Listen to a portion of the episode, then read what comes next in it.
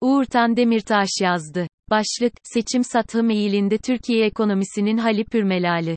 Türkiye seçime giderken, ekonominin yaşadığı zor dönemleri hepimiz yaşayarak tecrübe ediyor ve aynı zamanda finansal bilgi dağarcığımıza yeni kavramlar ekliyoruz. 2022 yılının ilk 5 aylık verilerinden yola çıkarak önümüzdeki seçim dönemine doğru giderken Türkiye ekonomisinin durumunu analiz etmeye çalışacağım. Yukarıdaki grafikte, 2022 yılının ilk 5 aylık dönemine ait cari denge ve dış ticaret verilerini derledim. Türk lirası son derece değersizleşmesine rağmen hala cari fazla veremiyor olmak ve bunun da ötesinde net hata noksan kalemi ile beraber dahi fazla veremiyoruz. Bu net hata ve noksan biraz ilgi çekici itiraf etmeliyim. Özellikle kur şokunun yaşandığı Aralık ayında net hata ve noksan eksi 10 milyar dolara dayanmış. Sonrasında ise maşallahımız var, her ay 2 ila 3 milyar dolar artı bakiye gelmiş. Dışarıdan gelecek yabancı olmadığını, içeride ise çıkacak yabancı kalmadığını düşünecek olursak rezervler üzerindeki net baskının boyutları hakkında daha net bir yaklaşım cari denge ile net hata noksan arasındaki fark ile ele alınabilir. İşin acı tarafı ise reel efektif döviz kuru tarihinin en düşük dönemlerini yaşamasına rağmen hala cari fazlaya geçemeyecek kadar yüksek kalmış.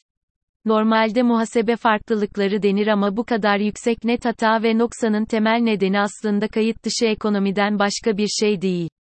Reel efektif döviz kurunun 2018 ila 2021 yılları boyunca 60 ila 80 arasında gezindiğini düşünecek olursak, mevcut 50'li seviyelerin uzun süreli rekor düşük bir dönem olduğunu kabul etmek gerekir. Buna rağmen cari fazla verememek, net hata noksanı eklediğimizde dahi pozitife geçemiyor olmak son derece düşündürücüdür. Eğer ekonominin toplam talep fonksiyonunun yapısında bir süreksizlik yaratmayacaksanız, önümüzdeki kışı reel efektif döviz kurunu 35 ila 40 düzeyine indirmeden çıkaramazsınız. Böyle bir reel efektif döviz kuru da ortalama asgari ücretin 130 ila 170 dolar arasına gelmesi anlamına gelir.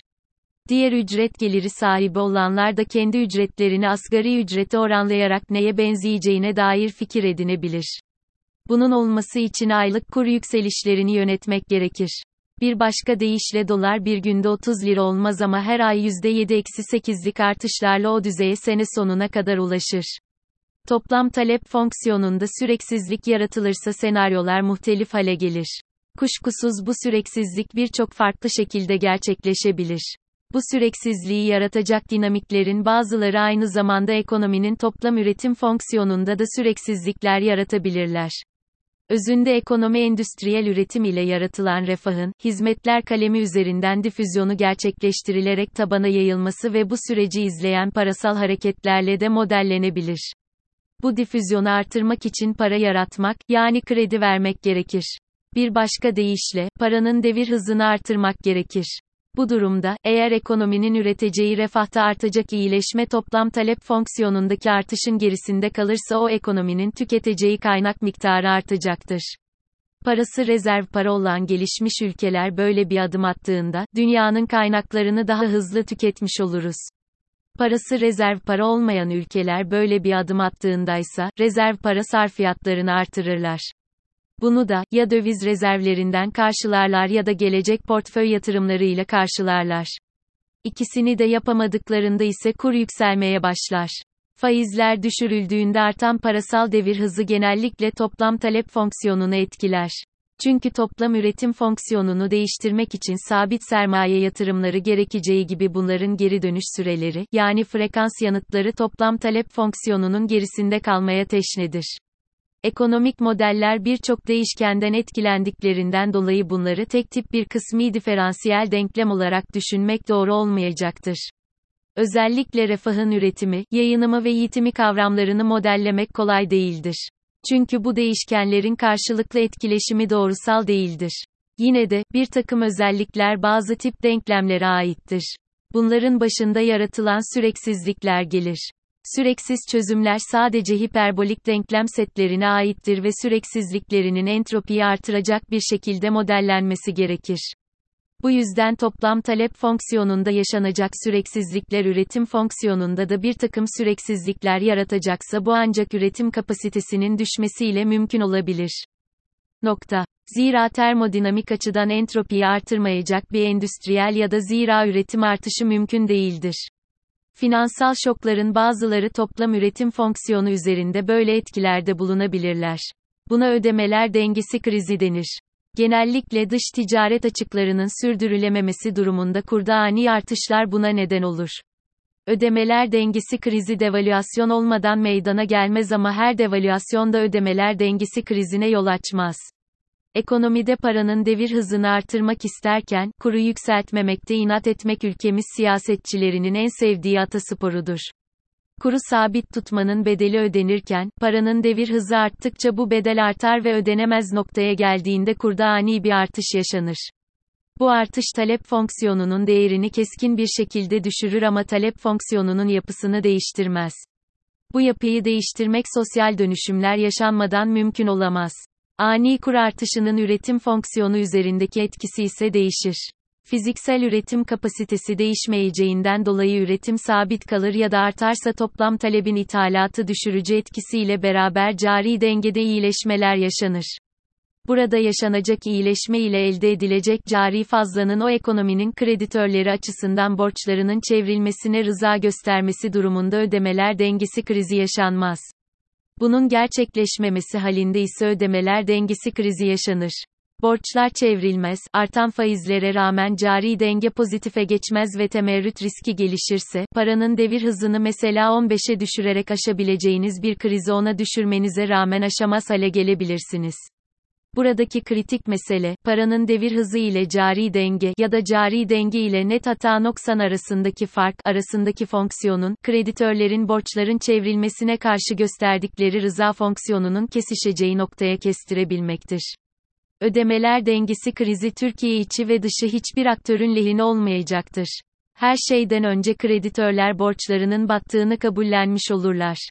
İthalat yapılamadığı anda elektrik, ulaşım, sağlık hizmetlerinde aksamalar meydana gelir. Türkiye'nin mevcut sosyal yapısında bu durum başka süreksizlikleri tetikleyecektir. Tarihte kırılmalar yaşanır. Buna benzer bir bölüşüm sorunu ülkede geçmişte çokça kırılmaya yol açmıştır. Dolayısıyla, en temel yaklaşım yaşanacak finansal şokların ülkenin üretim yapısında herhangi bir süreksizlik yaratmaması için bütün aktörlerin ortak bir zeminde bulaşacağıdır. Bulaşamazlarsa da, tarihi bir kırılma anına daha gideceğimiz aşikardır ama bunun ne olacağını kestirmek insan doğasının bilinmezliğinden dolayı mümkün değildir. İmkansız üçlemeye göre sermaye hareketlerinin serbestliği, politika faiz oranı ve kur seviyesi üçlemesinden aynı anda sadece ikisi kontrol edilebilir. Tabii buradaki en ilginç nokta sermaye hareketlerinin serbestisidir. Çünkü politika faiz oranı ve kur seviyesi matematiksel karşılıkları olan kavramlarken, sermaye hareketlerinin serbestisi bu kadar kesin değildir. Bunun canlı örneklerini bugünlerde sık yaşıyoruz. 1980 öncesi gibi cebinde döviz taşıyanın hapse atılacağı bir dönem yaşamıyoruz ama yumuşak sermaye kontrolleri de devrede değil diyemeyiz. Nihai tüketim ürünlerinin ithalatından alınan vergiler, döviz alım satımında uygulanan kambiyo vergisi, ihracatçıların döviz satma zorunluluğu gibi uygulamaları bunlara örnek verebiliriz. Sermaye kontrollerinin amacı sabit tutulmak istenen politika faizi ve kur için alan açmaktır. Mevcut durumda bu tarz uygulamaların cari dengede beklenen iyileşmeyi sağlayamadığı ise ortadadır. İş bu halde daha sert kontrollerin uygulanması bir tercih olarak değerlendirilebilir. Öte yandan, kritik soru ise bireylere yansımaları olacak kadar sert sermaye kontrollerinin sonuçlarının ne olacağını ele almak gerekir. Türkiye ekonomisi finansallaştığından dolayı bankadaki döviz mevduatları zaten defalarca kez para yaratmakta kullanılmıştır. Dolayısıyla, kaydi olarak bulunan bu paranın nakdi olarak bir kaynak olarak değerlendirilmesi zor görünmektedir. Yastık altındaki döviz ve altının ise ağır sermaye kontrollerinden etkilenmesi teorik olarak mümkün değildir. Bu durumda geriye böylesi bir adımın cari denge üzerindeki etkilerini ele almak kalabilir. Nihai tüketim malları ithalatı toplam ithalat içinde %10'dan az bir paya sahiptir. Zaten bu ithalat kalemleri maliye politikalarıyla vergilendirilerek de azaltılabilir. Bu ithalat kalemi tamamen sıfırlansa dahi, cari dengede bir stabilite yaratamaz. Nokta. Aramalı ithalatı ise toplam ithalatın %80'inden fazlasını oluşturur. Dolayısıyla ağır sermaye kontrollerinin bu ithalat kalemlerini azaltması hedeflenen etkileri her şartta ekonominin daralmasına yol açacaktır. Bu durumda, sıkı sermaye kontrollerinin tek bir amacı olabilir. Neyin ithal edilip neyin edilemeyeceğini devletin kontrolü altına alarak stabil bir ödemeler dengesi kurmak. Bunun iktidara yakın sermaye grupları için farklı rantiye mekanizmaları yaratma ihtimali yüksek olsa da, iktidara seçim kazandırabilme ihtimali hayli düşüktür. Dolayısıyla sıkı sermaye kontrollerinin beklenen cari iyileşmeyi yaratma potansiyeli kısmen olsa dahi, bunun seçim kazanma stratejisi uğrunda hayata geçirilmesi fikri pek rasyonel durmamaktadır. Böyle bir adım ancak tarihi bir kırılma yaşanırsa bunun ertesinde gerçekleşebilir. Geçmişteki 24 Ocak 12 Eylül ilişkisi buna örnek verilebilir. Geriye ister istemez tek senaryo kalıyor. Kurun kontrollü artmasına izin vererek kaynak bölüşümünde seçim öncelikli bir strateji ile ilerlemek çünkü kur ve faiz aynı anda baskılanmaya çalışıldığında yüksek montanlı faiz artışı ile kurun kontrolsüz artışını kabullenmek arasında bir karar anı yaşamak zorunda kalınıyor.